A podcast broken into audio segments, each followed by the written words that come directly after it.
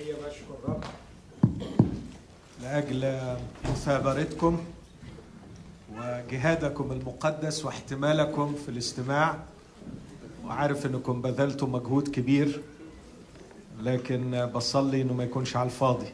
الرب يستخدم اللي سمعناه لتعليمنا وتعزياتنا. آه، في هذا الاجتماع أنا مشغول إني أتكلم شوية عن المعرفة. لأنه جزء مهم من النص اللي إحنا واقفين قدامه تعرفون الحق. وامتياز كبير إن إحنا كائنات قادرة على أن تعرف. آه، لكن يا ترى كيف نعرف؟ ما هي وسائل المعرفة؟ وما معنى أننا نعرف؟ ده اللي أحاول إن أنا أقف قدامه شوية ونشوف إزاي نقدر نعرف. آه ولما هنعرف إزاي نعرف بصفة عامة؟ هندخل أكتر شوية إزاي نعرف الحق. لأنه في الآخر هو قال تعرفون الحق والحق يحرركم. وأوعدكم إني ما أتفلسفش كتير لكن إن شاء الله يكون كلامي سهل وخفيف عليكم. أستأذنكم نقف مع بعض ونقرأ جزء من سفر الأمثال والأصحاح الثاني أمثال اثنين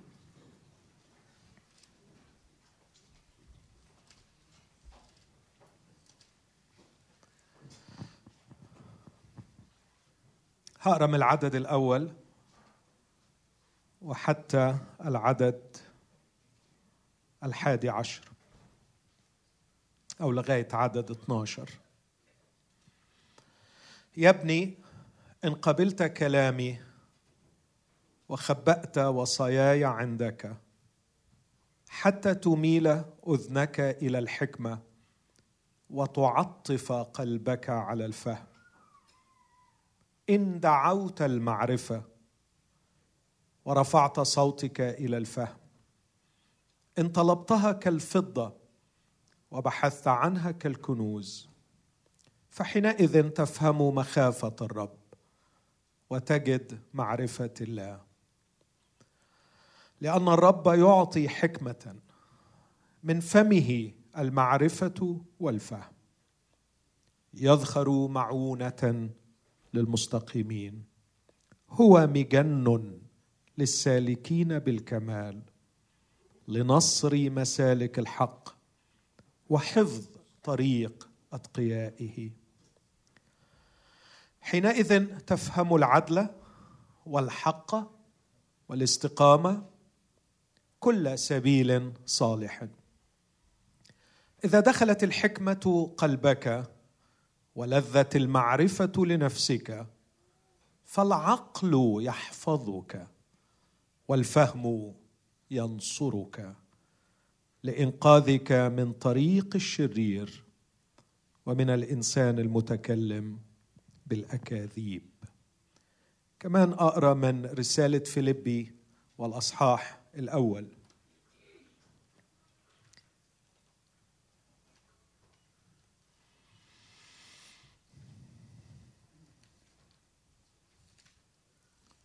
فيليبي واحد عدد ثمانيه فإن الله شاهد لي. كيف أشتاق إلى جميعكم في أحشاء يسوع المسيح؟ وهذا أصليه. أن تزداد محبتكم أيضا أكثر فأكثر في المعرفة وفي كل فهم. حتى تميزوا الأمور المتخالفة لكي تكونوا مخلصين. مخلصين اوثنتيك جنون حقيقيين. لكي تكونوا مخلصين. وبلا عثرة إلى يوم المسيح مملوئين من ثمر البر الذي بيسوع المسيح لمجد الله وحمده. آمين. هذه هي كلمة الرب. خلونا وإحنا واقفين نشكر رب من أجلها. ونطلب منه كلمة حكمة وكلمة تعليم. إن كان يتكلم أحد فكاقوال الله. كلام الحكمة كلام التعليم كلمة علم من عند الرب هذه يعطيها الروح القدس. فاطلبها من الرب لنفسك. اطلبيها لنفسك. قول يا رب أعطني كلمة علم من عندك كلمة حكمة. أحد أهم الوسائل التي يتكلم الله بها إلينا هي مثل هذه الاجتماعات. فأقول للرب يا رب أنا مفتوح منفتح لعمل الروح القدس أن تتكلم إلي. قد يتكلم الرب وأنت لا تسمع لأنك غير منفتح لكلمته. فهيئ روحك.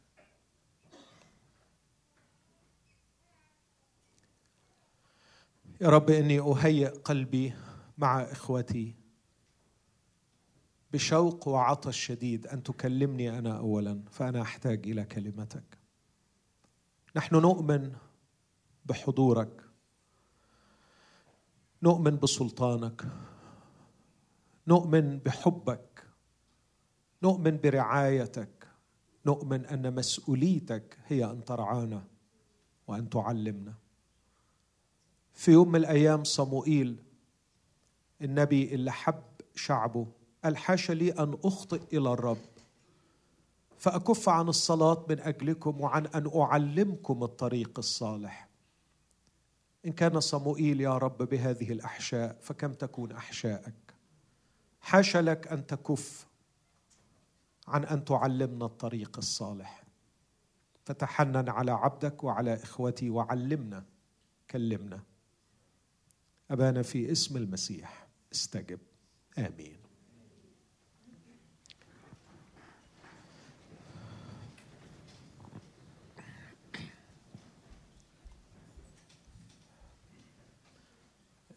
ذهني يموج بالأفكار. وعندي أفكار كتير قوي لكن أعتمد على الروح القدس ان هو ينقي اللي هو عايزه اللي شايف إن في ناس هنا أو ناس عبر الشاشات يكونوا محتاجين حاجة. فأرجو إن الرب يعطيني الحكمة علشان ما امشيش أبعد من اللي عايزه الروح القدس أو كمان أتقاعس عن شيء الروح القدس عايز يقوله. فعشان كده يمكن ما يكونش بناء هذه العظة بناء كلاسيكي مظبوط من مقدمة وموضوع وخاتمة. أو خلاصة. لكن هكون بشارك ببعض الأفكار وبعض الخبرات اللي أتمنى إن الرب يستخدمها لبركة يعني عدد كبير مننا. مش لازم كل الكلام يكون نافع لواحد لكن ممكن يكون في حاجة بتنفع واحد وحاجة بتنفع واحد تاني. مبدئيا أقول فكرة عشان دي تعباني لأنها فلسفية فعايز أخلص منها بسرعة. فاقولها واستريح. يا إنه في الفلسفة بيقولوا إن المعرفة ثلاث أنواع. ولما درسنا هذه الثلاث أنواع لقيتهم إنهم موجودين في الإيمان المسيحي وأعتقد إنهم مهمين ويمكن تطبيقهم ببساطة في إيماننا المسيحي. فدول أقولهم في دقائق قليلة. معرفة من النوع الأول أو النوع الأول من المعرفة طبقا للإبستمولوجي أو للفلسفة. هي ما تسمى المعرفة البديهية. شيء نعرفه بالبديهة تلقائي. ليست معرفة مصاغة في أفكار قدمت لنا لكن هو شيء يدرك بديهيا acquaintance حاجة كده تعيها. أعتقد إن هذا النوع من الوعي أو الإدراك في غاية الأهمية وهو مهم جدا. فمثلا وجود الله أعتقد ان معظمنا آمن بوجود الله ليس لأنه استمع إلى واحد من الابولوجيستس يؤكد بالأدلة حقيقة وجود الله. لكننا وعينا وعينا وجود الله بالبديهة. وعي إحساس داخلي عميق أن الله موجود.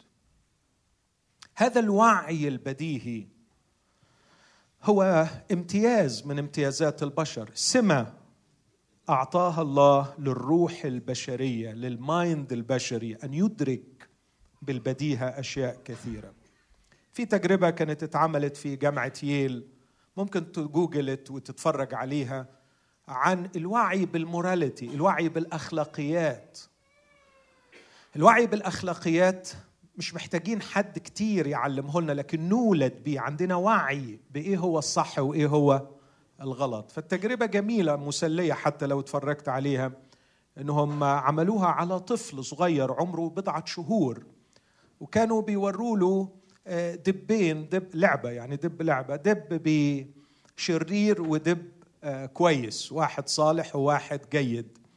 وبعدين آه، بعد ما يبينوا له كذا مرة إزاي إن الدب ده شرير قوي من خلال إنه بيمنع حد إنه ياخد الكوكيز بتاعته ويعني سخيف في طريقة التعامل يقفل بسرعة ال box اللي فيه الكوكيز. بعد كده خلوا الدب الوحش يقدم له طبق فيه أربعة كوكيز. وبعدين خلوا الدب الكويس يقدم له طبق صحن فيه كوكي واحدة. خد من الكويس وما رضيش ياخد من الوحش رغم إنه طفل عمره بضعة شهور. هذا يؤكد أن هناك وعي حس. أيضا الوعي بالجمال الوعي بالجمال. لا أحد يعلمني أن هذا جميل وهذا غير جميل. الوعي بالجمال الوعي بالأخلاق الوعي بوجود الله. أشياء لا أقرأها في كتاب لكن أولد بيها. ومن السهل علي أن أعيها. وعلينا أن نحترم هذا النوع من الوعي وعلينا أن ننمي هذا النوع من الوعي. احترم وعيك الداخلي بحضور الله بوجود الله. وأدخل بسرعة إلى مسألة حضور الله. ما فيش واحد فينا له علاقة بالرب إلا واختبر في حياته الشخصية سواء وهو قاعد في خلوته قاعد مع الكتاب أو في بعض الاجتماعات. حضور ثقيل للرب. تطلع وتقول أنا كنت شاعر بحضور الرب. ما ما حدش علمه لك ما حدش قعد يقول لك على فكرة الرب لما يحضر هيحصل كذا وكذا وكذا أو أنت تسلك في هذه الخطوات لكي تصل إلى هذا الوعي بحضور الرب. لكن هو شيء يفاجئك بغتة وكل اللي عليك إنك بتستقبله وتعيه وتؤكد إنه موجود وربما ما تعرفش توصفه ولا تعرف إنك تشرحه. أنا سمعت الخبرات دي كتير واختبرتها كتير. أحيانا على المنبر أحيانا في الشغل بتاعي أحيانا في آه، لقائي مع بعض الأشخاص. تعي حضور الله. وأنا أعتقد إن اللي اختبروا هذا الأمر مش بس ما يعرفوش يشرحوه لكن هم قادرين على تمييزه جدا عن مجرد أحاسيس أو انفعالات. لأن هم دول نفس الأشخاص جربوا ان هم يكونوا مبسوطين في وقت من الأوقات. بس الوعي بحضور الله يختلف عن مجرد إنك to have fun أو to have good time لا مختلفة. في في شيء أنا مش قادر أسميه مجرد إحساس. لأنه في الواقع هو وعي الروح بهذه الحقيقة. وأضيف أيضا لأنه من المهم أن نعي هذا وإن كنت لا أريد أن أستطرد فيه الوعي بالأرواح الشريرة أيضا. وعلينا أيضا أن نضع هذا في الاعتبار أننا في أماكن معينة وفي أوضاع معينة قد نعي أنه يوجد تأثير شيطاني في هذا المكان. أو أن هذه النفس مرتبطة بعمل شيطاني بشكل أو بآخر. هذا الوعي هو وعي روحي. لأن روحي جزء من هذا العالم الروحي. وعلينا الا نقلل من من هذا الوعي بل علينا أن ننميه وأن نتعمق فيه وأن نطلبه من الرب أن يزيده عندنا. وأعتقد أنه كلما استطعت أن تحتفظ بنفسك ولاحظ الألفاظ اللي بستعملها تحتفظ بنفسك أكثر متصلا بالله متصلا بالله. النص الكتابي في نصوص كتابية كتير لكن جعلت الرب أمامي يعني إيه جعلت الرب أمامي. مش بجيب الرب في حتة وأحطه قدامي لكن أنا أحتفظ بنفسي في نقطة معينة أستطيع من خلالها أن يكون الرب دائما أمامي. دي مسؤوليتي أنا. من كم من حوالي بضعة أيام أخت عزيزة علي اتصلت بتسألني تقول لي أخبارك مشغولة بيك و... وقلقانة عليك؟ فقلت لها قلقك في محله. I feel إن أنا disconnected حد شايل الفيشة ومش عارف أرجعها. حد جرب الإحساس ده؟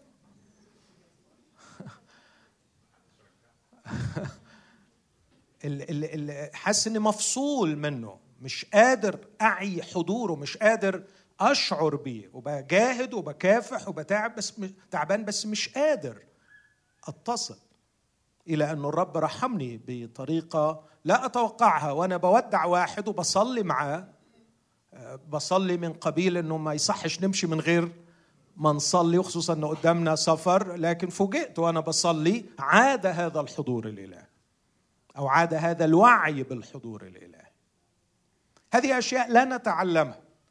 لكنها function of the spirit. وظيفة من وظائف أرواحنا الوعي بحضور الله. أرجوك أن يعني تنظر لنفسك بفرح لأنك كائن روحي مخلوق على صورة الله. لديك هذا العضو عضو الإدراك والحس الروحي الذي يجعلك تعي وجود الله وتعي الحضور الإلهي وتعي أيضا الأرواح الشريرة. أنا شخصيا ما عنديش خبرة مع الملائكة ما تقابلتش معاهم غيركم طبعا يعني أو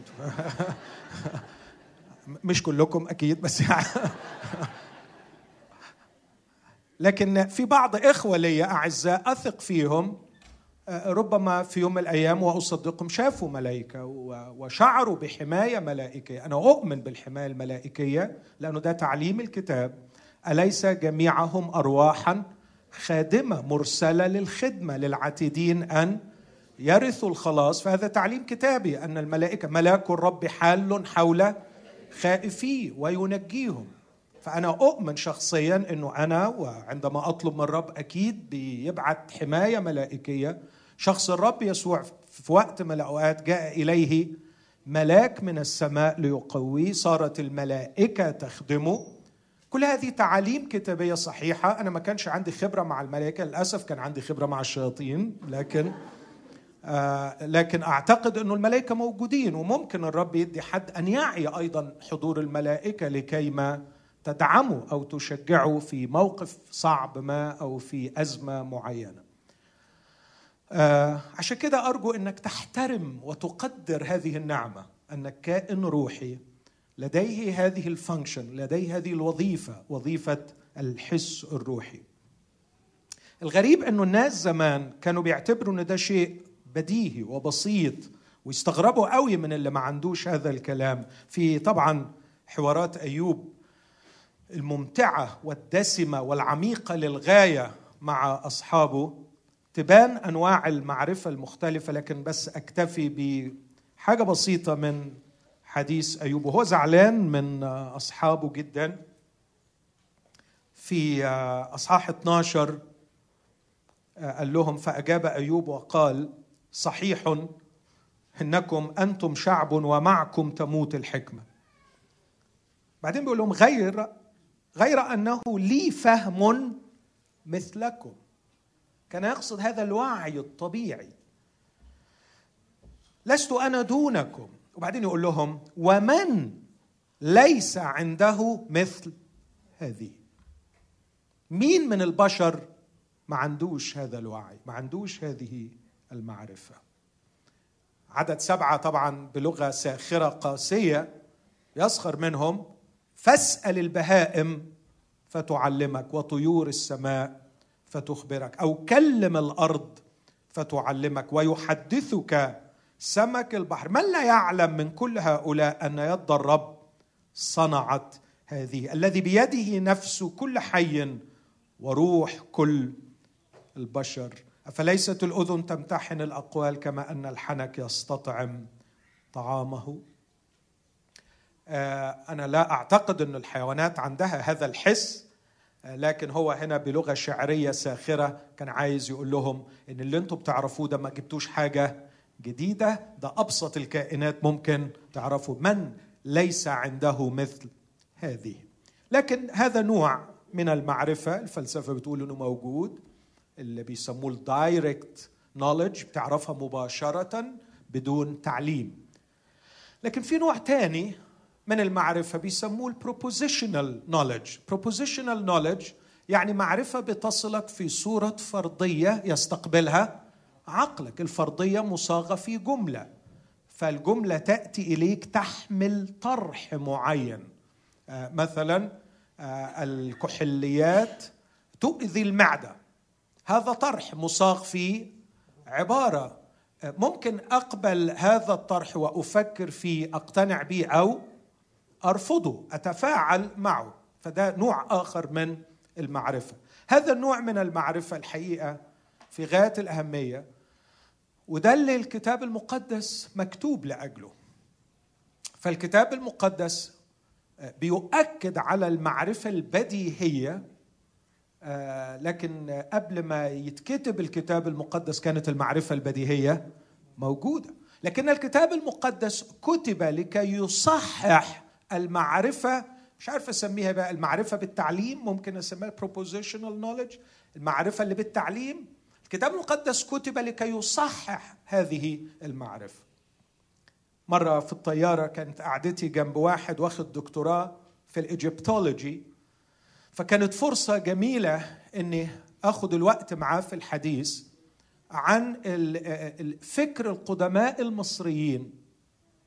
هو في مانع إن إحنا نسيب النور ده منور على طول كده؟ ولا التصوير في مشكلة مع التصوير؟ السيستم اللي فيه مشكلة. يعني وجوهكم جميلة بتشجعني لما آه، بقول لكم معظمكم ملائكه يعني. ف...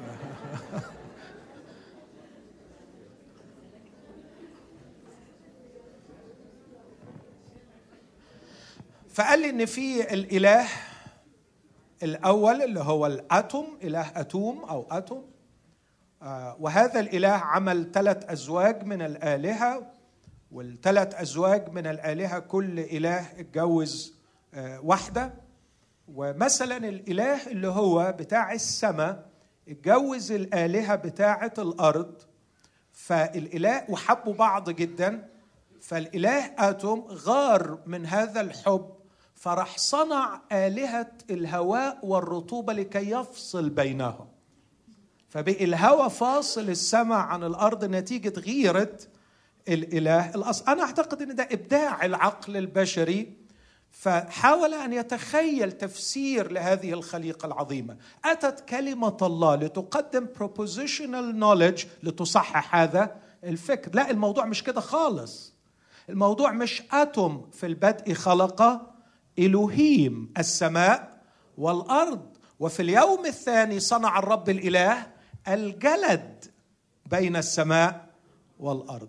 فالرب الإله هو الذي صنع هذا والجلد هو مجرد منتج من صناعة الله وليس إله حاول أن يفصل بين السماء والأرض. وهكذا يمكنك أن تسير في كل الكتاب لكي تعرف أن الكتاب المقدس يقدم propositional knowledge يقدم تعليم يقدم معرفة. ولهذا أعطانا الرب أيضا معلمين في الكنيسة. فمن ضمن المواهب التي أعطاها الرب أعطى موهبة التعليم لكي يكون لدينا معلمين آه، يفهموا الكتاب المقدس ويحاولوا أن يصححوا لنا المعرفة الخاطئة الموجودة في أذهاننا. فهذا نوع آخر من المعرفة وأنا بشوف إنه الكتاب المقدس كله في هذا الاتجاه. هو صحيح لما بقترب منه بينعش بشكل أو بآخر المعرفة البديهية بحضور الله ووجود الله لكن الحقيقة هو بيقدم معلومات بيقدم أطروحات وعلي أن أخضع لروح الله وأخضع للمعلمين والمرشدين وأتفاعل معهم وأجتهد لكي يتصحح مفهوم. لو تاخدوا بالكم الصلاة اللي قريتها في فيليبي واحد تسعة الرسول بولس بيقول لهم أنا مشتاق إليكم في أحشاء يسوع المسيح ده عدد ثمانية. عدد تسعة لغاية ما أجي وأشوفكم عشان أعلمكم هذا أصليه أن تزداد محبتكم. في إيه؟ حد فاكر؟ في المعرفة. أكثر؟ فأكثر. شكرا. أكثر؟ فأكثر. في المعرفة. تزداد محبتكم أكثر فأكثر في المعرفة. لكي تميزوا الأمور المتخالفة. وعندما تميزوا الأمور المتخالفة أو بلغة أدق لكي تستحسنوا الأمور الأفضل يعني مش بس يبقى قدامك غلط وصح لكن قدامك أحيانا حلو وأحسن منه فتعرف تستحسن وتنقي صح وتختار صح. لكي تكونوا تاني بنرجع للكينونة لكي تكونوا مخلصين اوثنتيك جنون وبلا عثره إلى يوم المسيح. وده هيؤدي إلى حياة الإثمار اللي كنت بتكلم عنها إنك أنت تبقى شبعان وكمان مثمر ومشبع للآخرين. لكي تكونوا مثمرين مملوئين من ثمر البر الذي لمجد الله وحمده لتسبيحه. فالله يسبح من خلال الثمر ثمر البر وحياة البر اللي إحنا بنعيشها. ده بيحتاج إلى احتكاك جاد مع كلمة الله. أعتقد الاثنين ممكن نلاقيهم مع بعض النوعين دول. في رسالة روميا أصحاح واحد. لو بصينا في روميا واحد أقدر أقول إن الاثنين ممكن يكونوا موجودين مع بعض والرسول بيعمل المحاجة العبقرية بتاعت رسالة روميا وهي محاجة فلسفية بلا شك.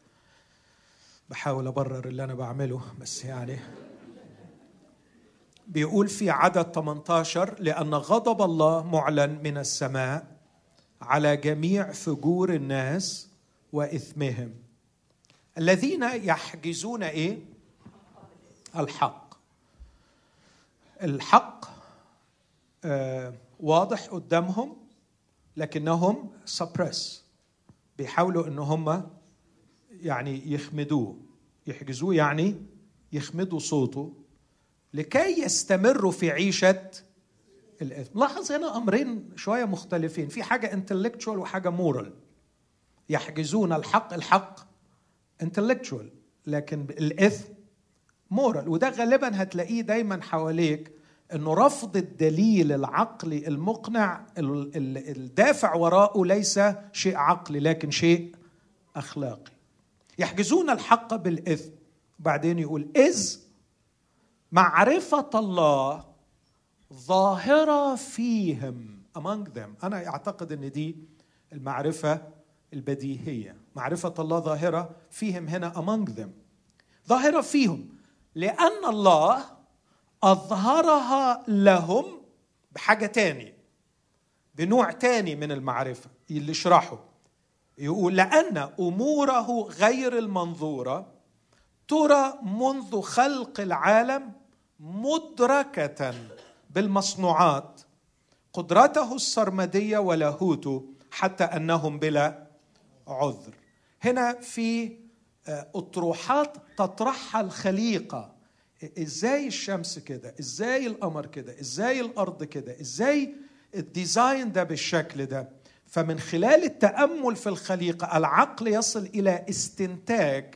أنا أميل إن أحط ده مع المعرفة الأخرى. صحيح لا تأتي في propositions في كتاب لكن تأتي من كتاب كبير كما قال عنه واحد من القديسين. كتاب عظيم وكبير من صفحتين صفحة خضراء وصفحة زرقاء. الأرض والسماء وهي تعلن عظمة الله لأنه لا تفسير كيف يأتي لا شيء كيف يأتي الشيء من لا شيء بلا شيء. هذا يرفضه المنطق. آه، إذا أعتقد أن هنا في نوعين المعرفة وبعدين الكتاب بيؤكد ان هم عرفوا الله. فبيقول لأنهم لما عرفوا الله لم يمجدوه أو يشكروه كإله بل حمقوا في أفكارهم وأظلم قلبهم. الغبي إلى آخر هذا الكلام. النوع الثالث من المعرفة هو نوع جميل نقدر نسميه المعرفة العملية أو بيسموه في الفلسفة معرفة نو هاو إزاي بقى؟ إزاي؟ ففي معرفة بديهية في معرفة عقلية أقدر أقول عقلية تعليمية لكن في معرفة بقى طب طب إزاي أعمل الكلام ده؟ ودي اللي من خلالها تأتي الحكمة فالحكمة هي تطبيق المعرفة. أعرف إزاي؟ أنا بعرف أسوق العربية بس ما بفهمش أي حاجة في موتور العربية ومش ضروري أكون expert في ال mechanics بتاعت العربية علشان أسوق العربية لكن أعرف هاو في حاجات كتيرة أنا مش خبير فيها لكن عندي فكرة إزاي تتعمل. وأنا أعتقد إن هنا نحن نحتاج أحدنا للآخر بشكل مخيف في هذا الأمر. النوع ده من المعرفة أنا أعتقد إنه ممكن ألاقيه في روميا 15 الرسول بيقول عبارات الحقيقة في غاية الجمال والقوة. روميا 15 14 يقول وأنا نفسي أيضا متيقن من جهتكم يا إخوتي أنكم مشحونون صلاحا ومملؤون كل علم. علم هنا knowledge. بس مملؤون كل knowledge كل علم. أنهي نوع من العلم؟ بص اللي بعديه يقول قادرون أن ينذر بعضكم بعضا. مش يعلم لكن قادرون أن ينذر. يعني خلي بالك على فكرة دي ما تتلعبش كده. دي ما تتعملش كده. على فكرة أخويا الحبيب وأنت بتتكلم مع فلان أنا حسيت إنك جادجمنتال عليه شوية. ممكن أكون غلطان بس إحساسي كده خلي بالك. خلي بالك وانت وانت بتتكلمي عن فلانة في غيابها أنا حسيت إن عندك بيترنس عندك مرارة تجاهها. أنا خايف لألا يكون كده ممكن أكون غلطان. بس لاحظ إنه قبل ما يقول إنكم قادرون المشحونون. فقبل ما تكون قادر أن تنذر لازم تكون مشحون صلاح. واخدين بالكم من جمال الاثنين دول. مشحونون صلاحا. إن شاء الله الرب يشحننا بالصلاح. إحنا اليومين دول ما بنمشيش من غير الشواحن. واحد في شنطته دايما وهو مسافر ثلاث أربع. كل حاجة عايزة شاحن. لكن واضح إنه أكثر حاجة محتاجة شحن هي روحي أن تشحن بالصلاح. مشحونون صلاحا. وعندما أشحن بالصلاح أخويا يطمن لي يأمن لي. عارف إن أنا بحبه. عارف لما بقول له لأ أنت غلطان في دي. عارف إن القلب اللي بيقول له كده ما فيش في نيته أي حاجة غير صلاح. قلب نقي. هو مش ما عندوش غل عايز يتفش. ما انساش في مرة كنت في اجتماع لجنة من اللجان. إيه عارفين اللجان؟ مش اللجنة بتاعت المؤتمر ده يعني لكن فواحد مليان بالمرارة من ناحية واحد تاني ففاكر كويس قوي إنه قاعد يزعق وبعدين في الآخر راح قايم وإحنا كلنا اترعبنا. أنا فعلا قلبي ابتدى يدق لأنه رايح ناحيته فقلت لألا يمسك في زوره ولا حاجة. فراح لغاية عنده وصابعه ده كده زي المسدس ويقول أنا بحبك على فكرة أنا بحبك. فأنا قمت طبطبت عليه وقلت له الله طول عمرك بلاش الحب ده. يعني الحب ده خطر على صحتك أنت. أنا بحبك لكن مرات لا نستطيع أن نخفي ما في قلوبنا من ألم ومرارة. لكن الرسول بيقول لا خلي بالك خلي خلي قعدتك قدام ربنا كتيرة ولقائك مع الله ينقيك ويفرغ منك كل عدم صلاح ويشحنك بالصلاح. وبعد كده خليك أمين وانذر إخواتك. وعلى فكرة اللي بينذر أكيد هو وقع في نفس الغلط. مش هيعرف إن ده غلط إلا إذا كان جربه. فأرجوك استعمل خبرتك علشان أخوك يعرف إنك أنت مش جاي له من فوق لكن أنت بتقول له من خبرة. على فكرة أخويا أنا عملت زيك بالظبط كده ووقعت الوقعة السوداء دي فأنا حاسس إن أنت ممكن تتورط فيها. ما تقولوش السوداء يعني قول أنا قول أنا وقعت لكن أنا خايف عليك لألا أنت كمان تعدي في اللي أنا عديت فيه أنا حصدت نتائج مش كويسة. جميل الكتاب. مشحونون صلاحا وقادرون أن ينذر بعضكم بعضا. مشحونون صلاحا ومملؤون كل علم. هذا العلم يجعلني علم اختباري علم حكمة تعلمته مع الأيام. دول الثلاث أنواع من المعرفة اللي الفلسفة بتتكلم عنهم موجودين في كلمة الله ونقدر نطبقهم في الكتاب المقدس. آه، لو هعلق تعليق صغير وانتقل بسرعة.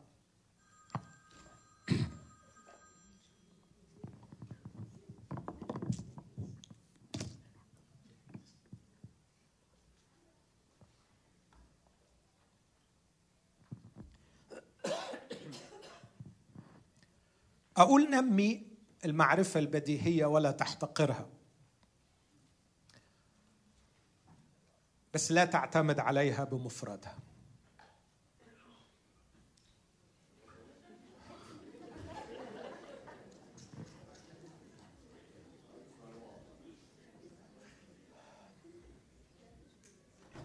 مرات آه، بيبقى معظم اتجاهاتنا في الحياة هي رد فعل عكسي لاتجاهات خاطئة عند آخرين. فلما بشوف البعض متروحنين زيادة مش بيقدروا المعرفة العقلية فأتطرف أنا الناحية الثانية وأرفض المعرفة البديهية. هذا خطأ يا أحبائي. هذا خطأ. المعرفة البديهية عطية إلهية وعلينا أن ننميها وعلينا أن يعني عايز أقول نبقى مور سنسيتيف خلي روحك تبقى أكثر حساسية لوجود الله ولحضور الله لإدراك الأخلاق الصح ولإدراك الجمال الصح. نمي عندك هذا الحس. لا أدعي يعني شيء خاص لكن أعتقد يمكن بسبب الشغل في الطب النفسي وقعدتي بالساعات الطويلة في مواجهة النفوس أصبحت أرى النفوس أكثر مما أرى الأجساد. وأقدر أشوف النفس دي قد إيه جميلة من الداخل أو قد إيه مشوهة من الداخل أحيانا. نمي عندك هذا الحس بدواخل الناس بأرواح الناس. أحيانا تحس إن في روح إنسانية ثقيلة للغاية وفي روح إنسانية جميلة رقيقة من الداخل. نمي عندك هذا الحس. وأعتقد أنه ده هينمو طبيعي بكثرة إحساسك بحضور الله. حضور الله في حياتك الشخصية. افتكر الخبرات اللي الرب غمرك فيها بالحضور الإلهي وتمسك واطلب هذه الخبرات لأن أكيد الرب يحب إنه هو يستجيب ويقول تطلبونني فتجدونني اذ تطلبونني بكل قلبكم. ولا تخضع لأحد أو لا تسمع لأحد يحاول يفسر لك إن الخبرة الرهيبة دي اللي تعرضت لها في يوم من الأيام إن دي كان مجرد انفعال نفسي.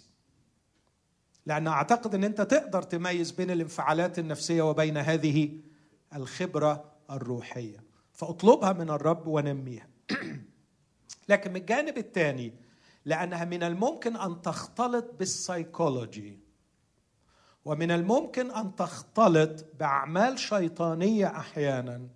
علينا أن ننمي المعرفة العقلية والمعرفة العقلية جميلة المعرفة التعليمية جميلة إن أنا أدرس الكتاب المقدس وأحاول أن أميز ماذا يقول الكتاب. وأؤمن كل الإيمان أن الرب يذخر معونة للمستقيمين. دي قالها بعد ما بيقول إذا دخلت الحكمة قلبك ولذة المعرفة لنفسك فالعقل يحفظك والفهم ينصرك. من الرب عنده المعرفة والحكمة ويذخر معونة للمستقيمين. يعني سيذخر معونة لك يا من تريد أن تفهم الكتاب وتعرف لكي يعرفك. زي بالضبط لما الرسول بيقول لبولس افهم ما أقول يعطيك الرب فهما في كل شيء. اجتهد في أن تدرس الكتاب. هنا لازم أقول إن الكتاب صعب. والكتاب له قواعد كثيرة لكي نفهم وهذا دور المعلمين في كنيسة الله علشان يعرفونا. بس مش عايز اخذ وقت أكتر من كده لكن كفاية إني أأكد على أهمية المعرفة البروبوزيشن خليني أدي مثال علشان الموضوع يوضح قدامنا. إن اليقين من جهة الحقيقة لا يكفي وهرجع لحتة اليقين بعد شوية علشان أحل بيها مشكلة. لكن عايز أقول إذا افترضت إني وصلت لليقين من جهة حقيقة معينة لا يكفي. أنا حاجات كتيرة جدا ما عنديش يقين من جهتها وده ما يخضكمش. لكن عندي enough evidence عندي قدر كافي. في حاجات كتير ما أقدرش أجزم 100% فيها بس مرتاح يعني خلاص مطمئن لكن ما أقدرش أقول 100% يعني ممكن تقول 90% 95% مش عيب كويس. أخلصها. يعني عايز أقول إذا كان عندك شكوك من جهة بعض الأشياء على فكرة ده مش عيب ابدا. بالعكس أنت كده إنسان طبيعي جدا.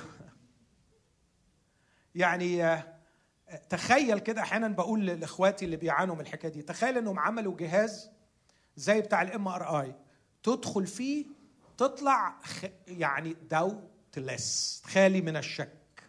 طلعوا منك الشك خالص. تقبل تدخل في الجهاز ده؟ دي تبقى مصيبة.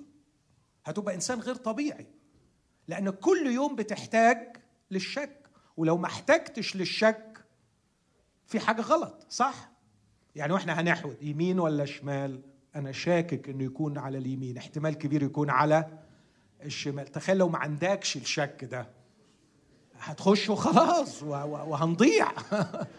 فانت محتاج يعني قدر من الشك في كل شيء. تخيل واحد بيقول لك أي حاجة يعني وتصدق كل حاجة وما بتشكش في أي حاجة هنضيع. فالشك نعمة.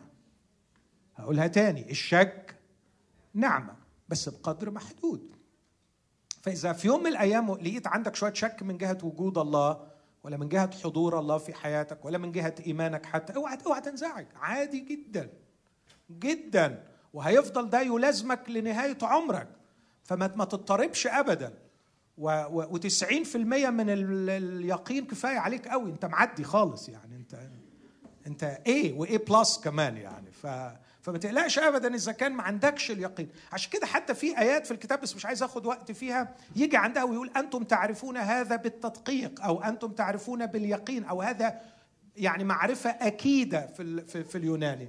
هذا يعني إن في أشياء تانية أنا عارف إن أنتم مش متأكدين من جهه فمش عيب إنك تكون مش متأكد من جهه بعض الأشياء بس اسعى إنك تعرف أكثر وأكثر آه لكن أرجع تاني وأقول تخيل التلاميذ رجعوا من صليب المسيح. كلهم متيقنين أن المسيح قد صلب. لا خلينا نقول وكمان تأكدوا أن المسيح قام. بس بعضهم شك رغم أنهم شافوه. وده يورينا إنه الحواس مش هتخدمنا كتير يعني.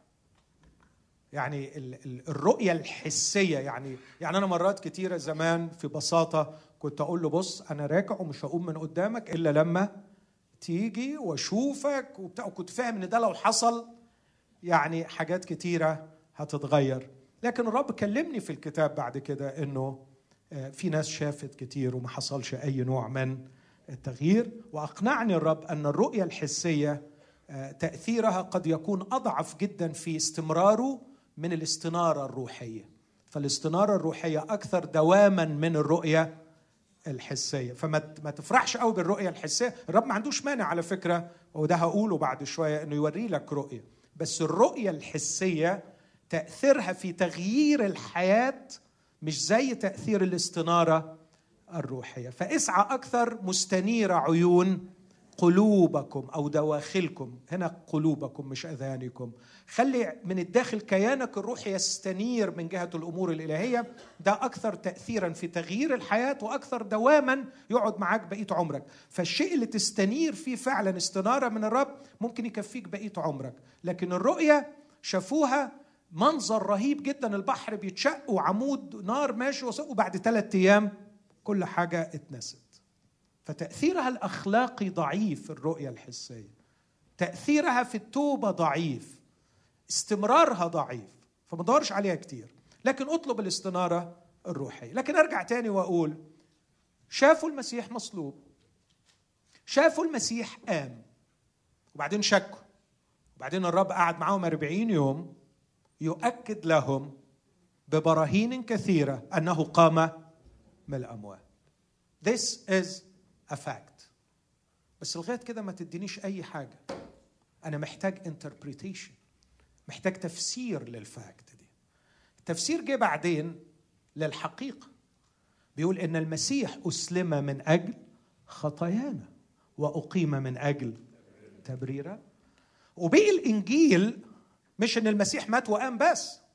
المسيح مات من أجل خطايانا حسب الكتب. فموت وقيامة المسيح على الرغم من إنه حقيقة لا تؤثر فيا إذا لم تكن مصحوبة بالتفسير. أنتم فاهمين قصدي يا أحبائي؟ التفسير ده لقيناه في بقية رسائل العهد الجديد. رسول بولس بيشرح لنا في كورنثوس إيه فوائد القيامة وإيه معنى القيامة.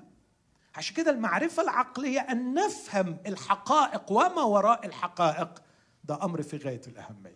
ما تقوليش هي فاكت وخلاص. إيه معناها ال fact دي؟ إيه معناها الحقيقة دي؟ إيه ال implications إيه اللي يترتب على هذه الحقيقة؟ لكن مجرد الحقيقة إنك تصدقها وتعرفها هذا لا يكفي. ده بيبرز دور المعرفة. هتسموها إيه عشان أخلص أتفق على حاجة واحدة؟ اختاروا لكم اسم. العقلية. افتي لنا يا قسيس ناجي معرفة إيه؟ أخرج عن صمتك الله يخليك.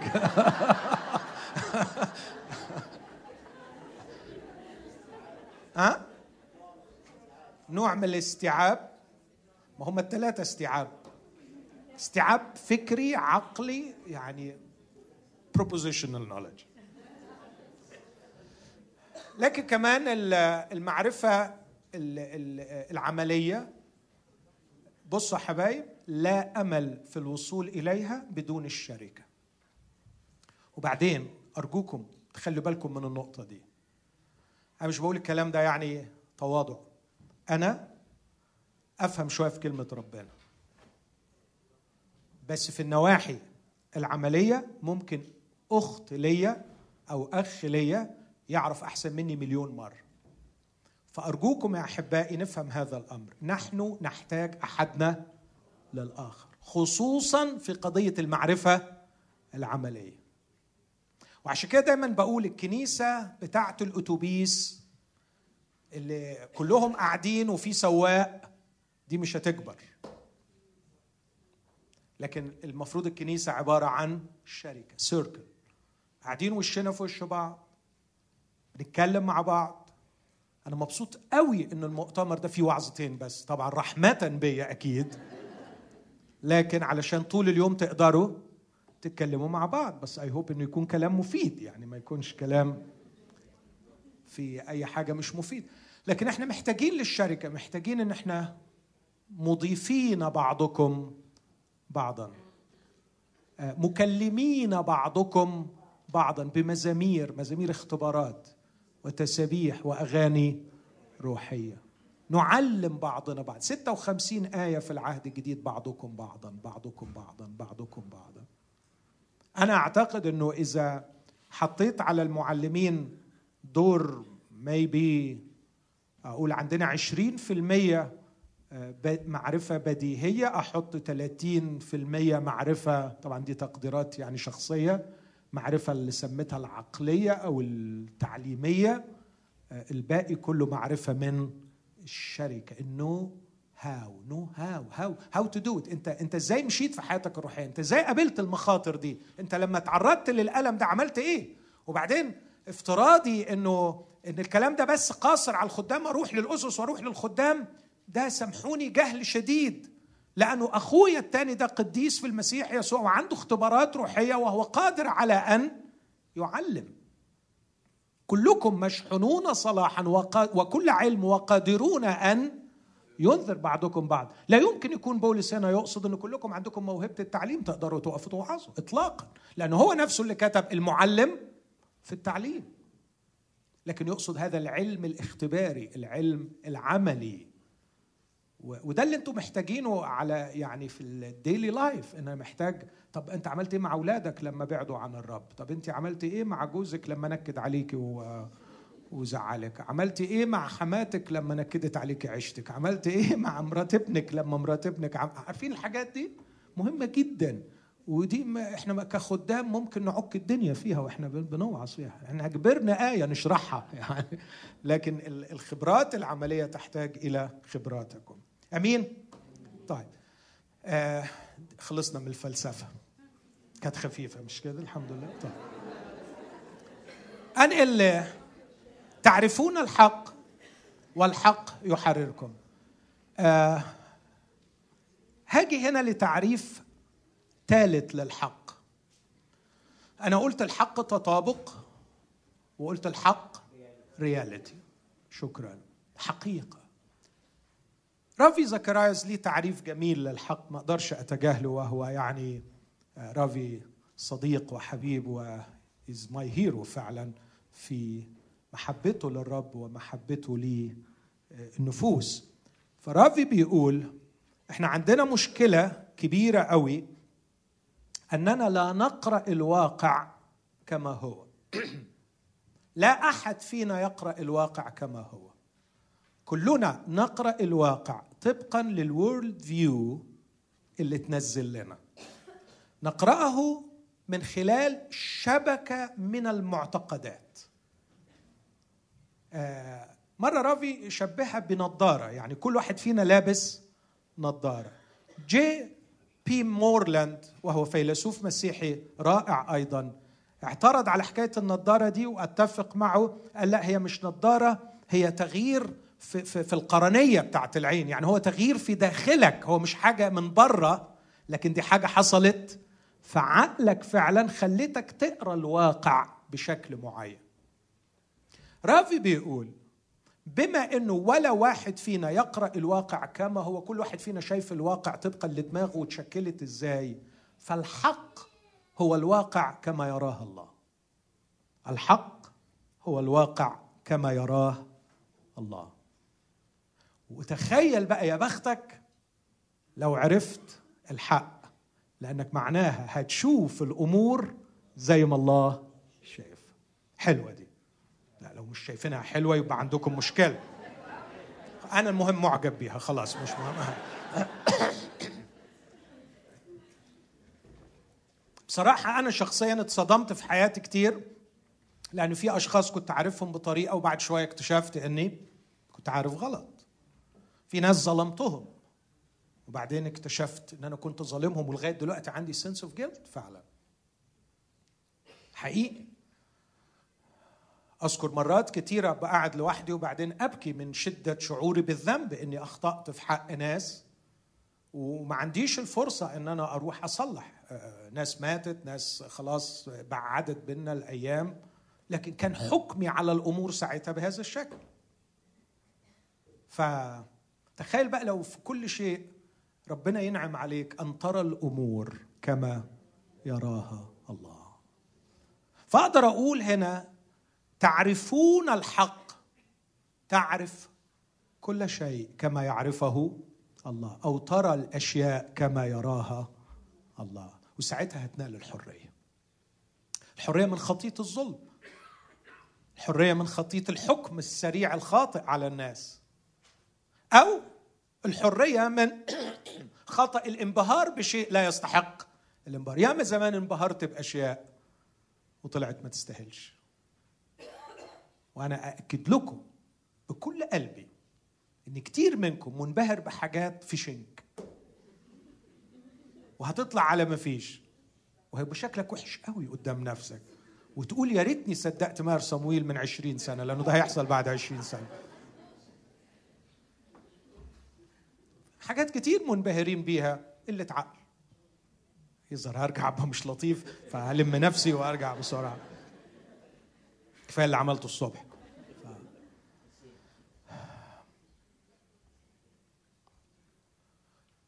تعرف الحق أن ترى الأشياء كما يراها الله. آه، ده يخليني أقول فكرة صغيرة عن مسألة ال world view ال world view كلمة في اللغة الإنجليزية للأسف لم تصل ترجمتها بعد للغة العربية أو ترجمت لكن لم يتفق عليها النظرة العالمية النظرة الحياتية الفلسفة الحياتية. لسه ما وصلناش. لكن هي ببساطة شديدة فعلا شبكة من المعتقدات موجودة في أذهاننا بها نقرأ الحياة. بنقرأ الحياة بيها. ودي اتركبت لنا وإحنا أطفال. واستمرت يعني تتكون. بيقولوا إن هي أنا أعتقد إنه في مرة في تشابل بليس خدت محاضرة كاملة عن ال world view إجابة مجموعة من الأسئلة المهمة جدا. خليني أقول سؤال مثلا من ضمن الأسئلة دي اللي بشوفه في غاية الأهمية. من وإحنا أطفال اتجاوب لنا سؤال مين اللي يا بخته في الدنيا؟ ده سؤال من الأسئلة اللي بتكون ال world view دالاس ويلرد يقول ده أهم سؤال. مين اللي يا بخته في الدنيا؟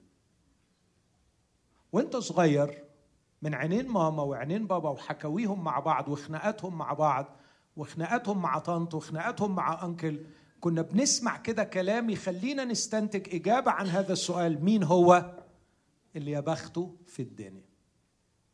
فاكرين يا سيدات؟ مين اللي يا بختها في الدنيا؟ اللي شعرها شكله كذا واللي عينيها شكلها كذا واللي وزنها كذا. فاكرين؟ مين اللي يا بختها ماما ما علمتناش إن اللي يا بخته هو اللي عنده mature character هو اللي ناضج. لكن علمونا وإحنا أطفال يا بخته اللي يدخل كلية الطب. مثلا هو ده المحظوظ في الدنيا. يا بخته اللي عنده عربية كذا يا بخته اللي عنده كذا. هذه الأجوبة تحكمت في اختياراتنا طول العمر وشكلت العين التي بها نقرأ الواقع. وأصبح عندنا مهمة قوية جدا أن نغير هذه المعتقدات. إمتى بيبدأ مرحلة تغيير المعتقدات؟ عند سن تسع سنين. سن تسع سنين لعشر سنين سن في غاية الأهمية وأرجو أنكم تعطوه اهتمام خاص. في هذا السن يبدأ الولد أو البنت مراجعة المعتقدات اللي الأهل علمها له. ويبدأ يقيسها في ال في البري ادوليسنس يبدأ يراجع المعتقدات اللي أهله علموها له وحطوها له في ضوء معتقدات المجتمع. سواء بتيجي من المدرسة أو من أقرانه أو من الميديا أو من الأفلام أو من أي حاجة. وساعتها بيصطدم بشيء غير اللي هو تعلمه فبيبقى قدامه حل من ثلاثة.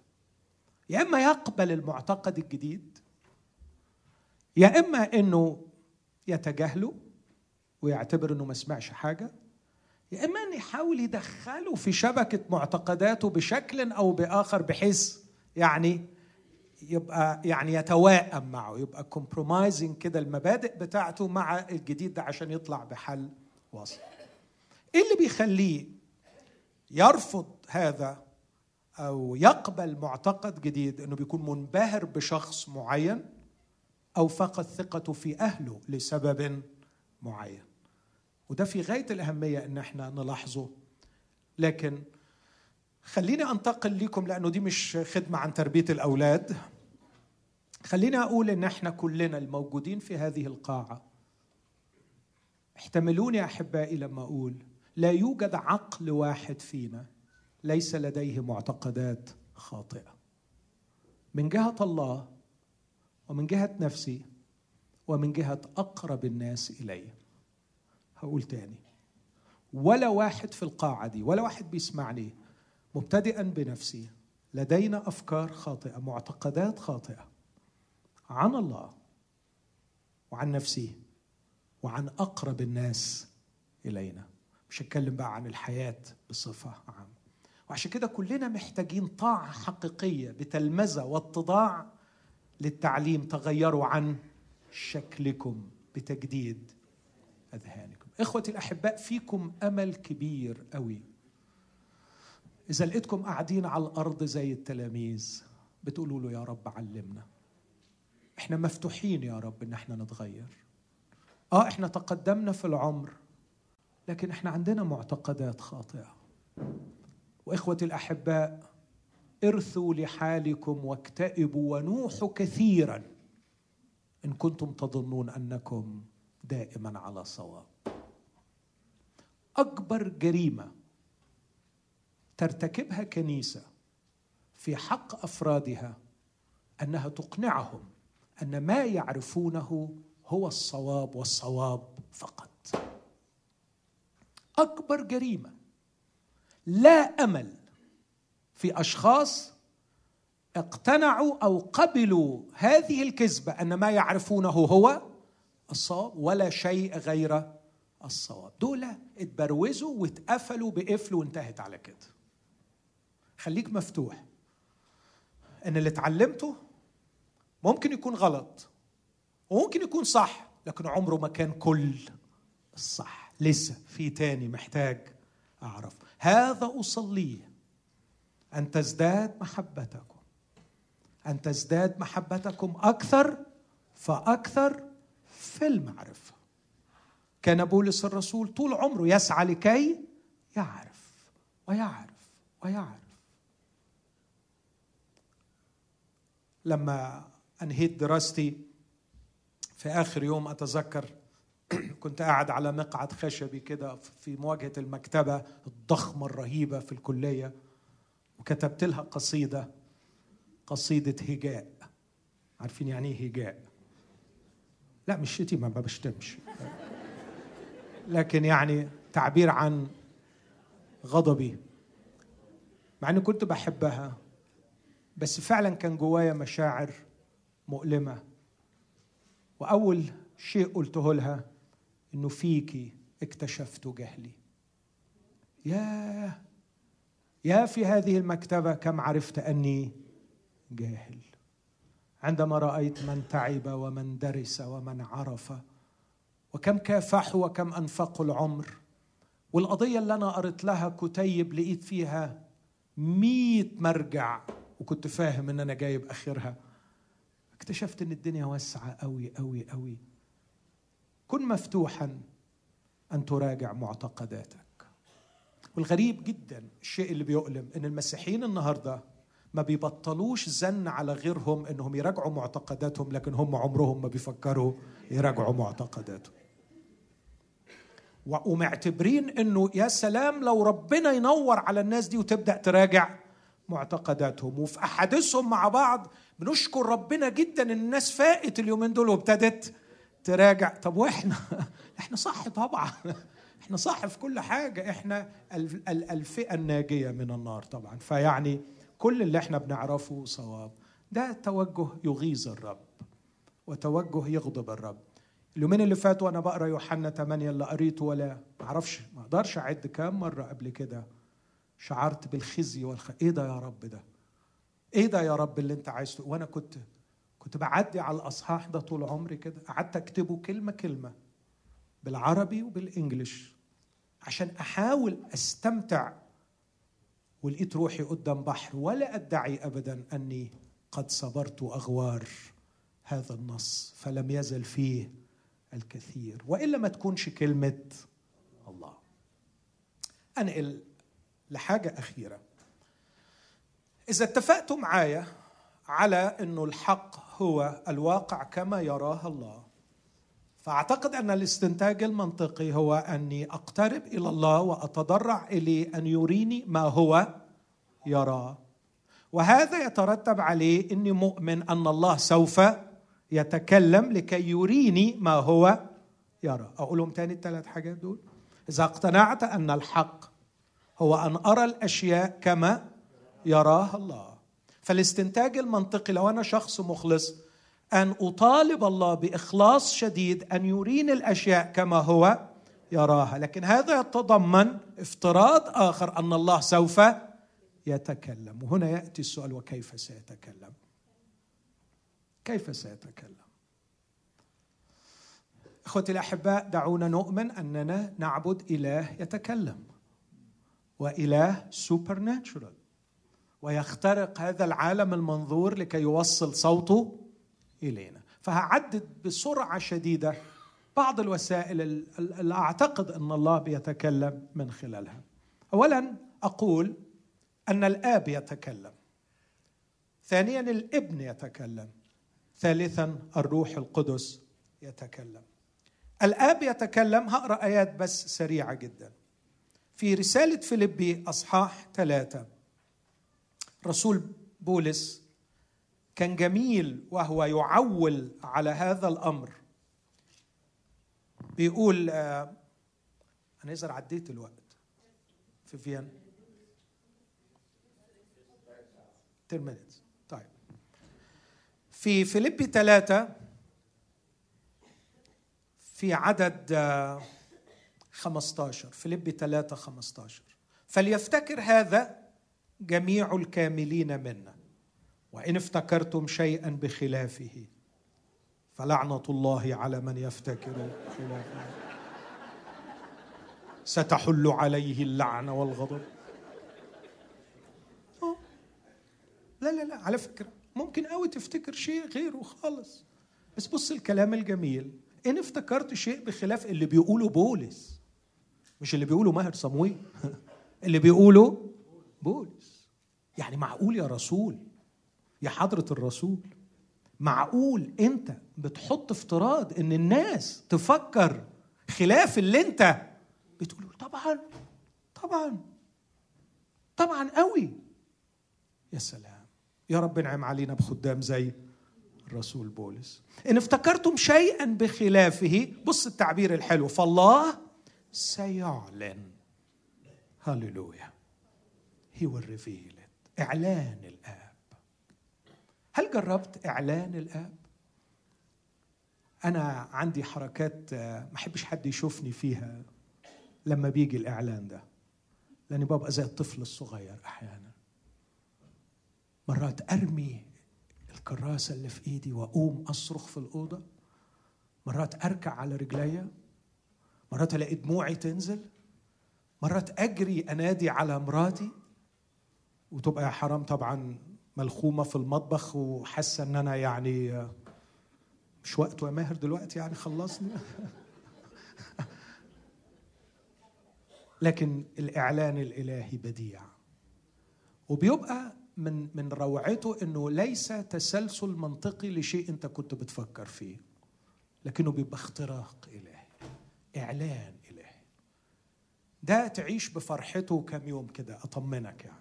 تقعد كام يوم كده في حالة عامل دماغ وفي حالة روحية فعلا روعة فرحان بسبب فالله الله الآب سيعلن لكم هذا أيضا. لكن الله الابن كمان راعي تخيل الله الآب مهتم إنه يكشف يكشف يكشف. مش عايز تاني أقتبس ربع العدوية؟ بعضكم تعقد مني من كتر ما بقتبس منها. لكن لما بتقول له أما الذي أنت الحب الذي أنت أهل له فكشفك للحجبه حتى أراك. أنت بتكشف لي. أنت بتشيل عن عيني الغمامه اللي مغمياني فبتخليني أعرف الحقيقة. اطلب من الرب الإعلان. يسوع قال كده للآب قال له أنا بحمدك وتهلل يسوع بالروح. مش تهلل لأنه هو خد إعلان لما شاف الآب بيعلن. يعني واضح فعلا إنه مش بس الإعلان يفرح لكن يفرح كمان اللي بيشوفك وأنت بتاخد الإعلان فيقول له أعلنتها أخفيتها عن الحكماء والفهماء وأعلنتها للأطفال. في يوم مرة تاني تهلل وقال له طوبى لك يا سمعان ابن يونا برافو عليك بس خلي بالك دي ما جبتهاش بشطارتك. لحم ودم لم يعلن لك لكن أبي. فواضح انه إن مهمة الإعلان هي مهمة الآب. في يوحنا عشرة أرى يسوع القائد يتكلم بطريقة أخرى. يقول وهو بصدد تعليق على المولود أعمى لأنه فعلا تم في هذا الكلام. يقول هذه العبارات في أصحاح عشرة عدد ثلاثة. لهذا يفتح البواب أي للراعي والخراف تسمع صوته فيدعو خرافه الخاصة بأسماء ويخرجها. ومتى أخرج خرافه الخاصة يذهب أمامها والخراف تتبعه لأنها تعرف صوته. وأما الغريب فلا تتبعه بل تهرب منه. شيء بديع أن الراعي يتكلم والخراف تسمع صوته. صوت الرب في داخلك ده صوت حقيقي جدا وأرجوك لا تتجاهله. بس تاني حط في اعتبارك إنه ممكن يختلط مع السيكولوجي بتاعك. وهنا في خطر عليك إنك تخلط بين صوت الرب وبين السيكولوجي بتاعك. كم واحد فينا تعرض للخلط ده؟ يا بخت اللي ما تعرضوش مبروك عليكم. لكن أنا غلبان في الموضوع ده. يا ما اختلط صوت الرب with my psychology. طب الحل إيه؟ Trial and error. ملهاش حل غير إنك تجرب وتغلط ومن خلال التجريب والخطأ تتدرب على إنه ده صوت الرب. ما أعرفش انقله لك ما أعرفش أقوله لك. وأنت ما تعرفش تنقله لي. لكن مزمور 25 يقول له دربني في حقك وعلمني. دربني. خليني أتدرب على استماع صوتك.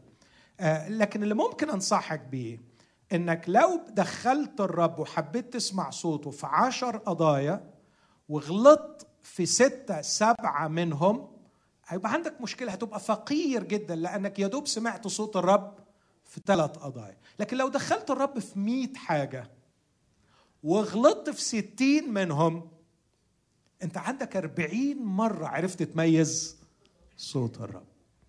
فأنت أنت أنت جدع قوي أنت جامد قوي برافو. يبقى الحل اللي أنا بقترحه إنك تعمل إيه؟ دخله أكتر. دخله أكتر. هو فاضي. يعني معقول بقى نقعد ندخله في في الهيفة وفي الصغيرة؟ طب إيه رأيك إن هو بيهتم بالهيفة؟ وبيهتم بالحاجات الصغيره قوي. حد مصدقني في الموضوع ده؟ بيهتم قوي. صدقني بيهتم ببسمتك. مرات يحب يضحكك. صدقني. صدقني مرات يهتم يجيب لك حاجة ملهاش لازمة. بس عارف إن عقلك الإلهي هيتبسط بيها بيجيبها لك تزعلوش مني I'm sorry I'm sorry عقلي أنا كنت اقصد أقول على صدق لا ده اختباري الشخص. متاسف جدا. بعتذر أنا قصدي أقولها على نفسي. ان مرات حاجة فعلا ملهاش لازمة بس هو عارف إنها بتبسطني فيروح يروح جايبها لي جميل. يهتم بحاجات صغيرة قوي قوي قوي ما بعت الملاكي صحي بطرس قال له خلي بالك ده لما بيقوم من النوم بيقوم متلطوش. وممكن يعمل أي حاجة غلط فخلي بالك منه أنا عارفه. ده في البستان لما قام لوش على وش الراجل.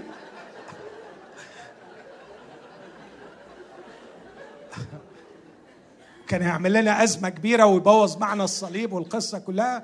فخلي بالك منه الجدع ده بيقوم من النوم ما تأملوش فممكن يطلع في الشارع حافي. فأنت لما تروح له وتصحيه نبه عليه يلبس الجزمة بتاعته عشان ما يمشيش حافي ويعمل لنا مشكلة.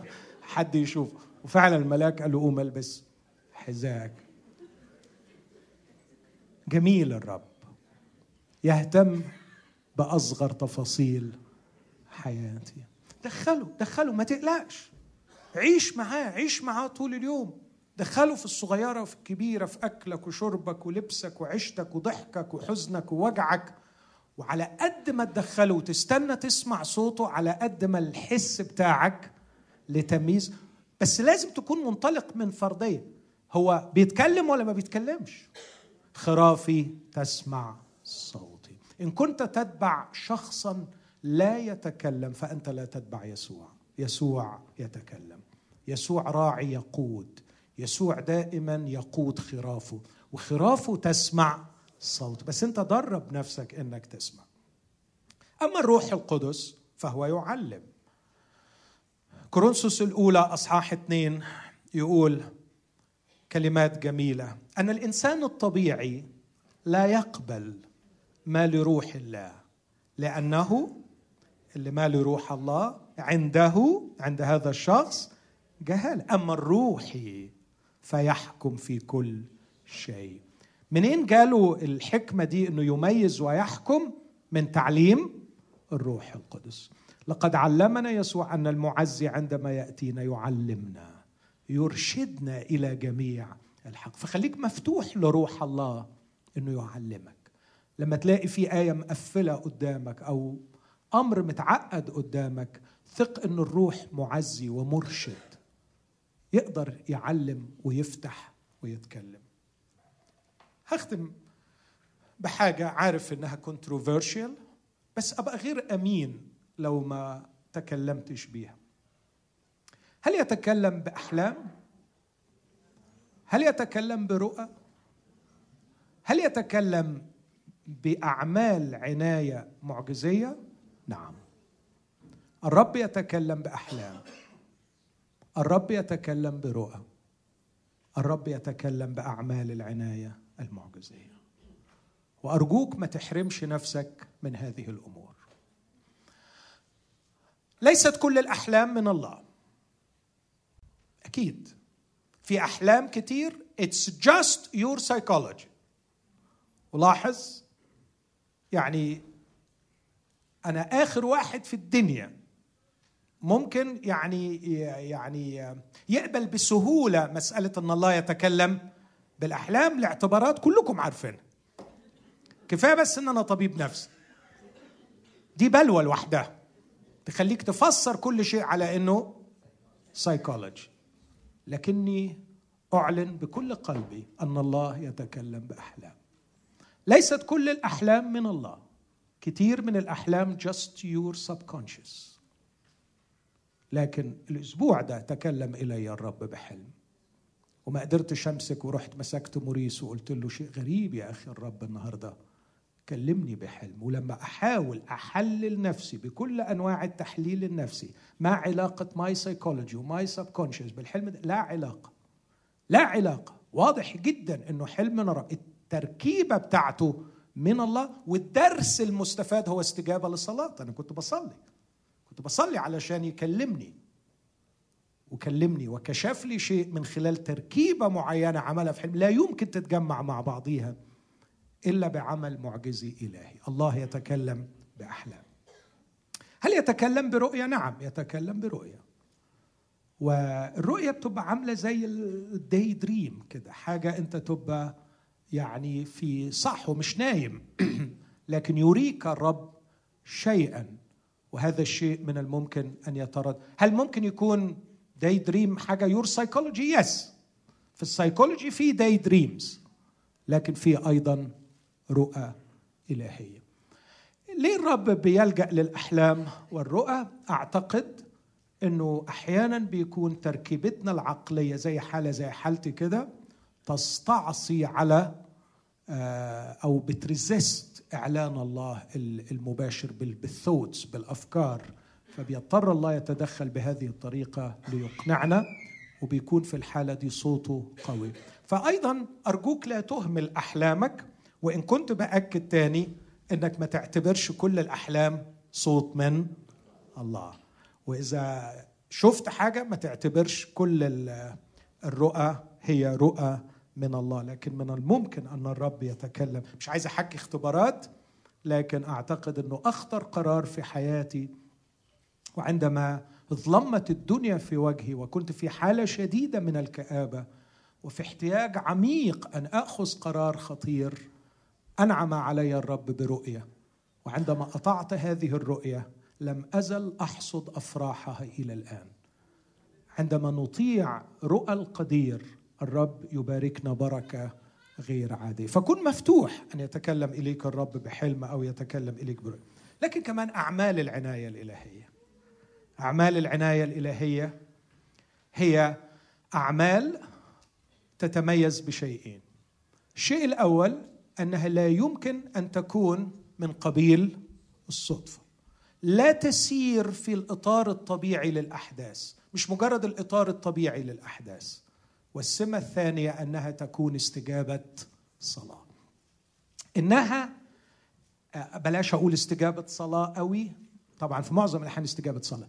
لكن استجابة الله لظرف خاص أنت تمر فيه. يعني متوافقة قوي مع الظرف اللي أنت بتمر بيه. آه إذا الرب أعطاك كلمة على قلبك تقولها لأخيك في يوم من الأيام لا تتأخر. دون أن أرجوك أن تستعمل هكذا يقول الرب. من فضلك.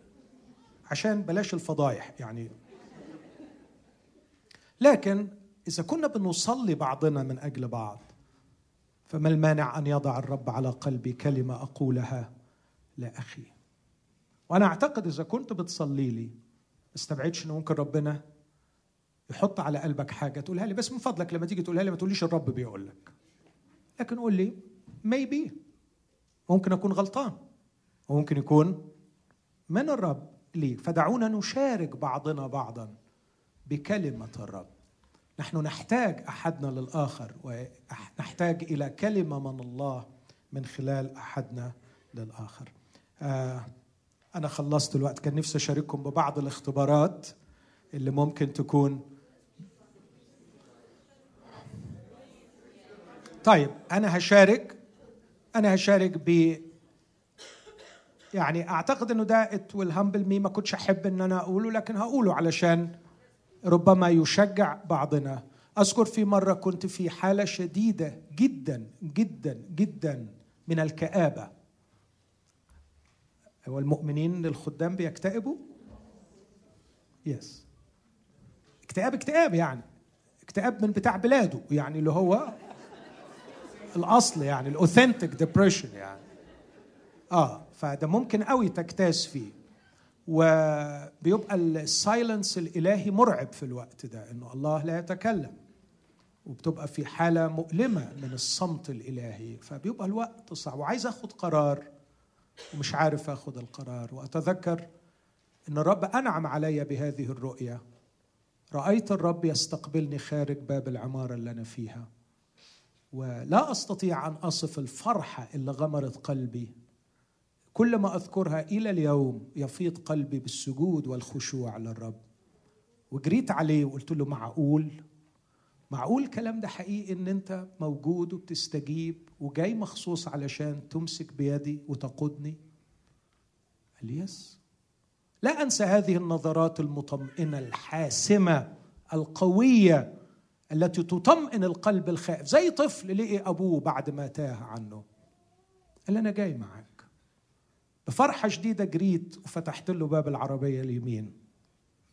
وقف وبحسم وبغضب رزع الباب وقال لي عيب لما أنا آجي معاك أنا اللي أسوق. قلت له متأسف أنا وعظت كتير بكده. لكن واضح إني كنت بوعظ كلام أنا ما اختبرتوش. وجريت فتحت له الباب التاني واديته المفاتيح. وركب وساق ثقة وهدوء وجمال. وما فيش خطوتين اتحرك ولقيت نفسي بنفس البلاهة بقول له على فين؟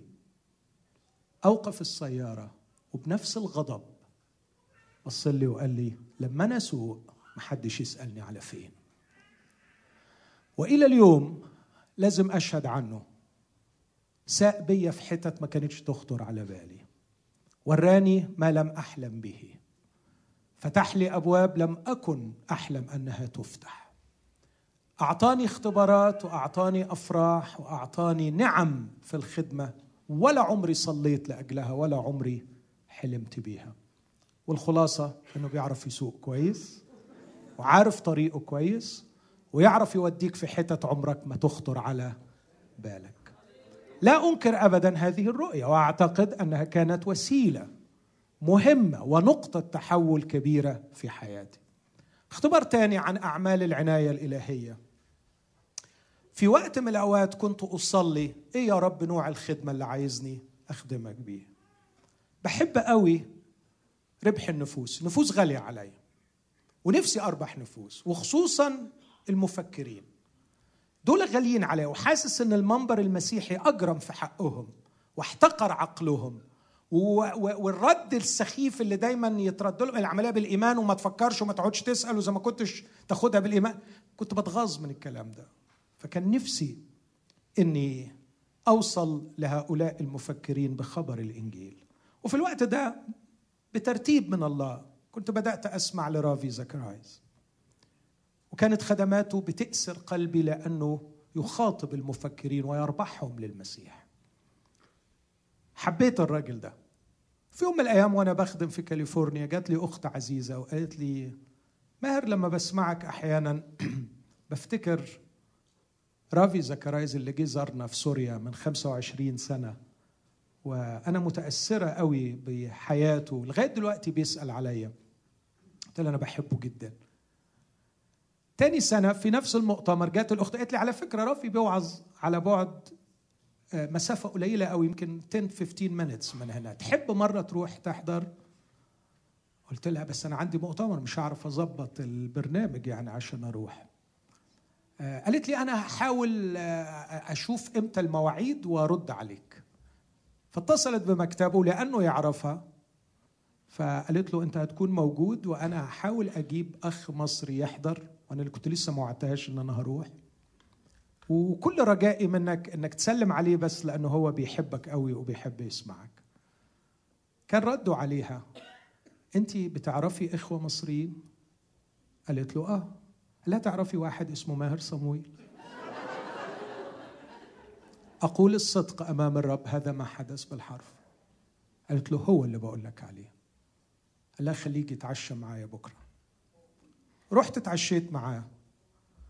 أول كلمة قالها لي اللي ماهر بالضبط بالحرف كده The Lord put your name before me this week three times. How can I help you? الرب حط اسمك قدامي الأسبوع ده ثلاث مرات. قل لي أساعدك إزاي؟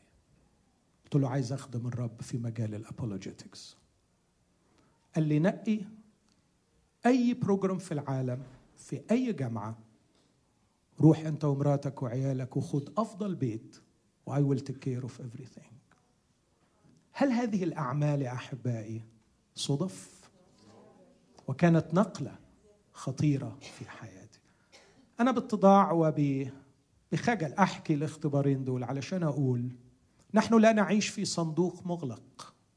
الله يخترق هذه الحياة ويتكلم إلينا. الله يتداخل في حياتنا.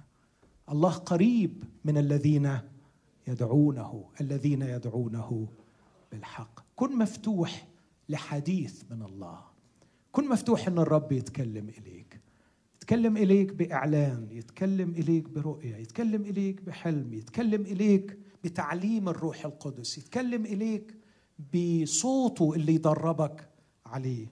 لا تكن مغلقا أمام كلمة الله. لكن كمان خلي بالك كل الكلام ده مبني على إنه في اجتماع الصباح إحنا اتفقنا إن إحنا هنحط نفسنا فين؟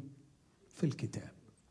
إن ثبتتم في كلام إن أقمتم في كلام. عندما تقيم في المكتوب وتعيش في جو المكتوب هتحمي نفسك من السايكولوجي بتاعك وهتحمي نفسك من التأثيرات الشيطانية اللي ممكن تشتتك لأنك هتكون متدرب تدريب جيد. عارف إن في سؤال هيطلع في الآخر. طب ولغاية ما أكبر وأنضج وأميز وأعمل أروح فين وأجي منين؟ صح؟ السؤال ده موجود؟ هقول لكم آية بس ما تزعلوش منها. هي آية. الآية دي موجودة في مزمور 32 هقراها ونقف نصلي. تعال يا بيبو. خلاص هنصلي.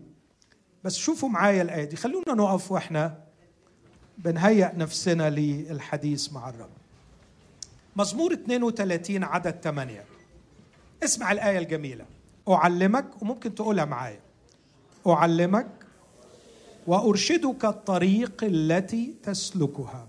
أنصحك عيني عليك. عدد تسعة.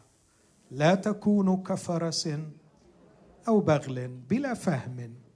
بلجام وزمام زينته يكم لئلا يدنو إليك. كثيرة هي نكبات الشرير. أما المتوكل على الرب فالرحمة تحيط به. افرحوا بالرب وابتهجوا. يا أيها الصديقون واهتفوا. يا جميع المستقيم القلوب. الفكرة هنا إن كل اللي قلناه يأتي تحت أعلمك وأرشدك الطريق التي تسلكها وأنصحك. يقال بعيني التي هي عليك يعني من خلال الشركة. وإذا لم تسمع ولم تفهم ولم تتعلم الرب يضمن ليك إنه هيعاملك بطريقة صعبة شوية. كما يعامل سائق الفرس فرسه.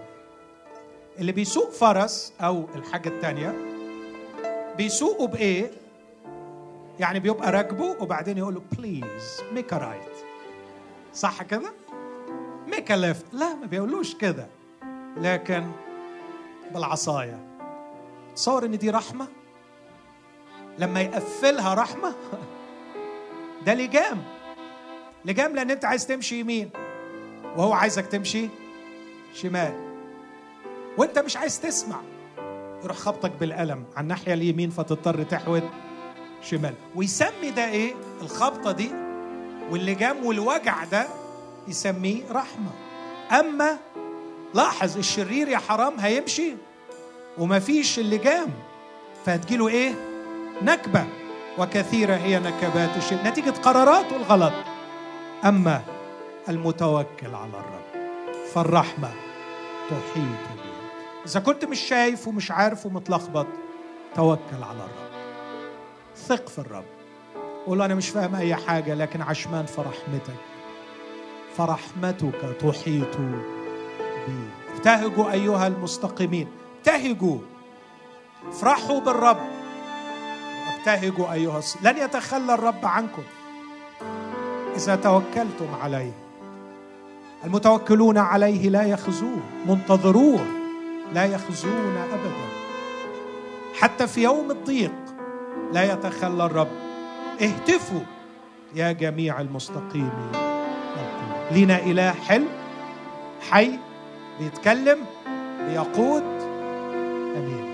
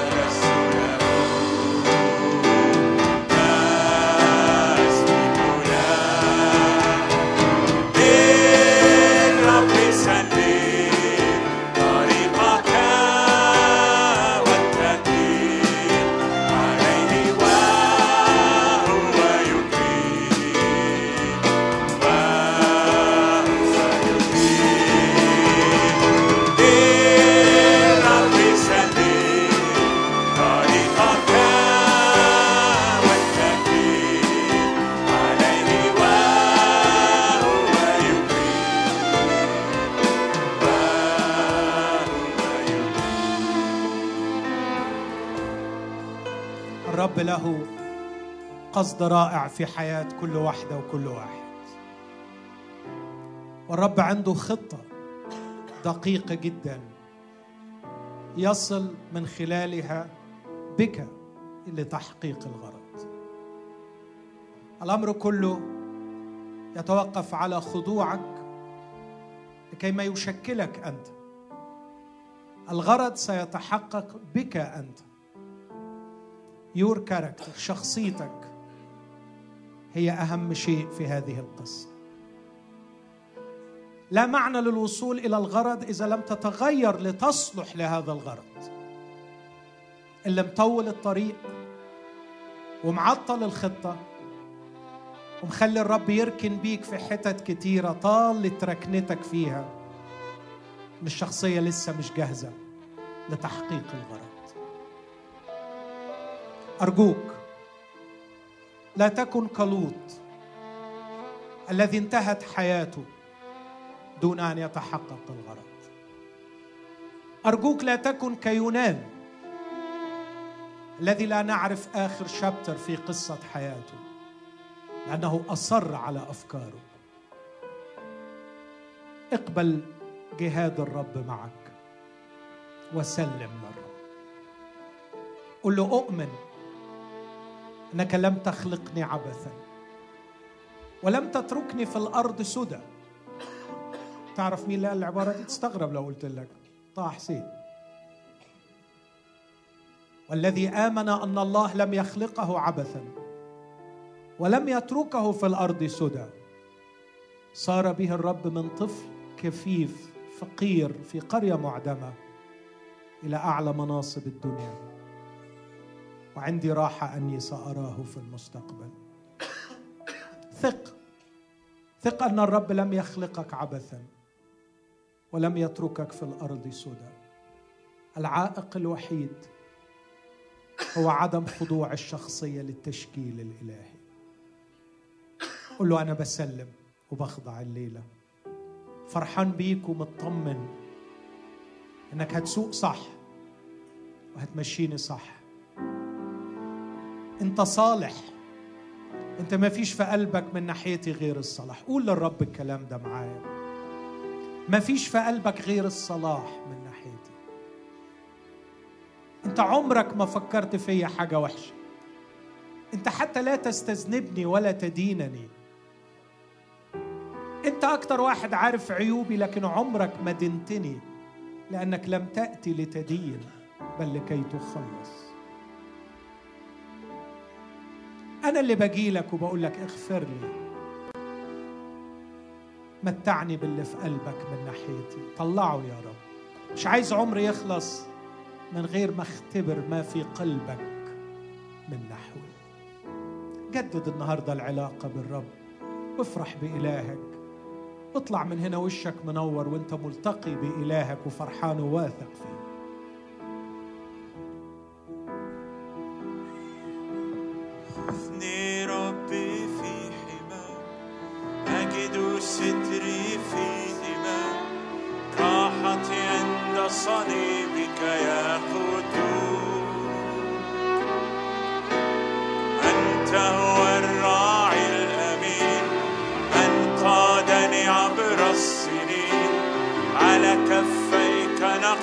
يا قدوس تاني تاني نقول خذني ربي في حماك أجد ستري في دماك راحتي عند. صليبك اعلن هذا الإيمان. أنت هو الراعي الأمين. من قادني عبر اشهد السنين اشهد. على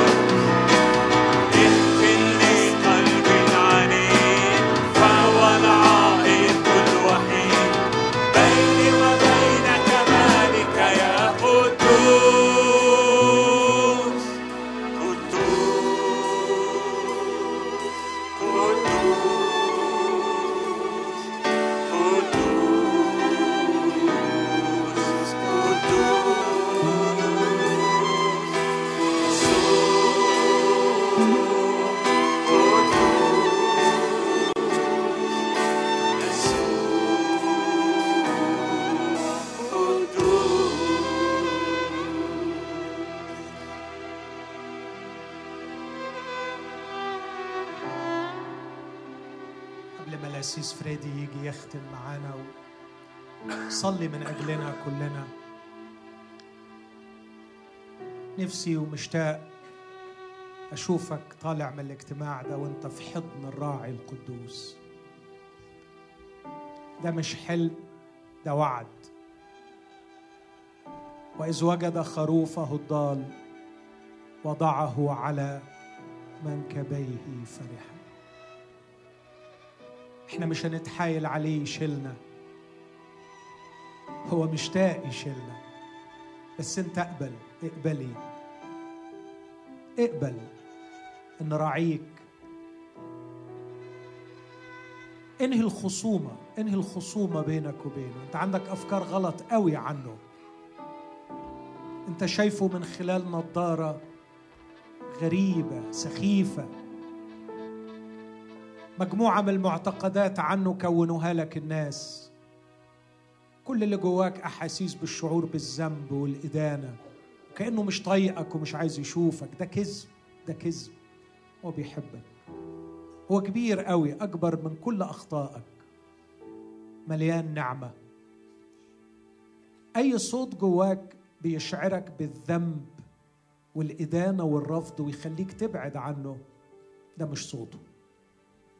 صوته حتى لما يكلمك عن خطاياك يشدك ليه. يقول لك تعالوا إلي. مهما كانت خطاياك مش بيقول لك روح أنت خاطي. يقول لك تعالى. تعالى لو كنت تعلم عطية الله. هو كان عارف هي فيها إيه بس كان جاي لها بالعطية. هو جاي لك الليلة بالعطية جاي لك بالعطية. ارمي نفسك في حضنه. خد خد منه. من آمن بي كما قال الكتاب. تجري من بطنه أنهار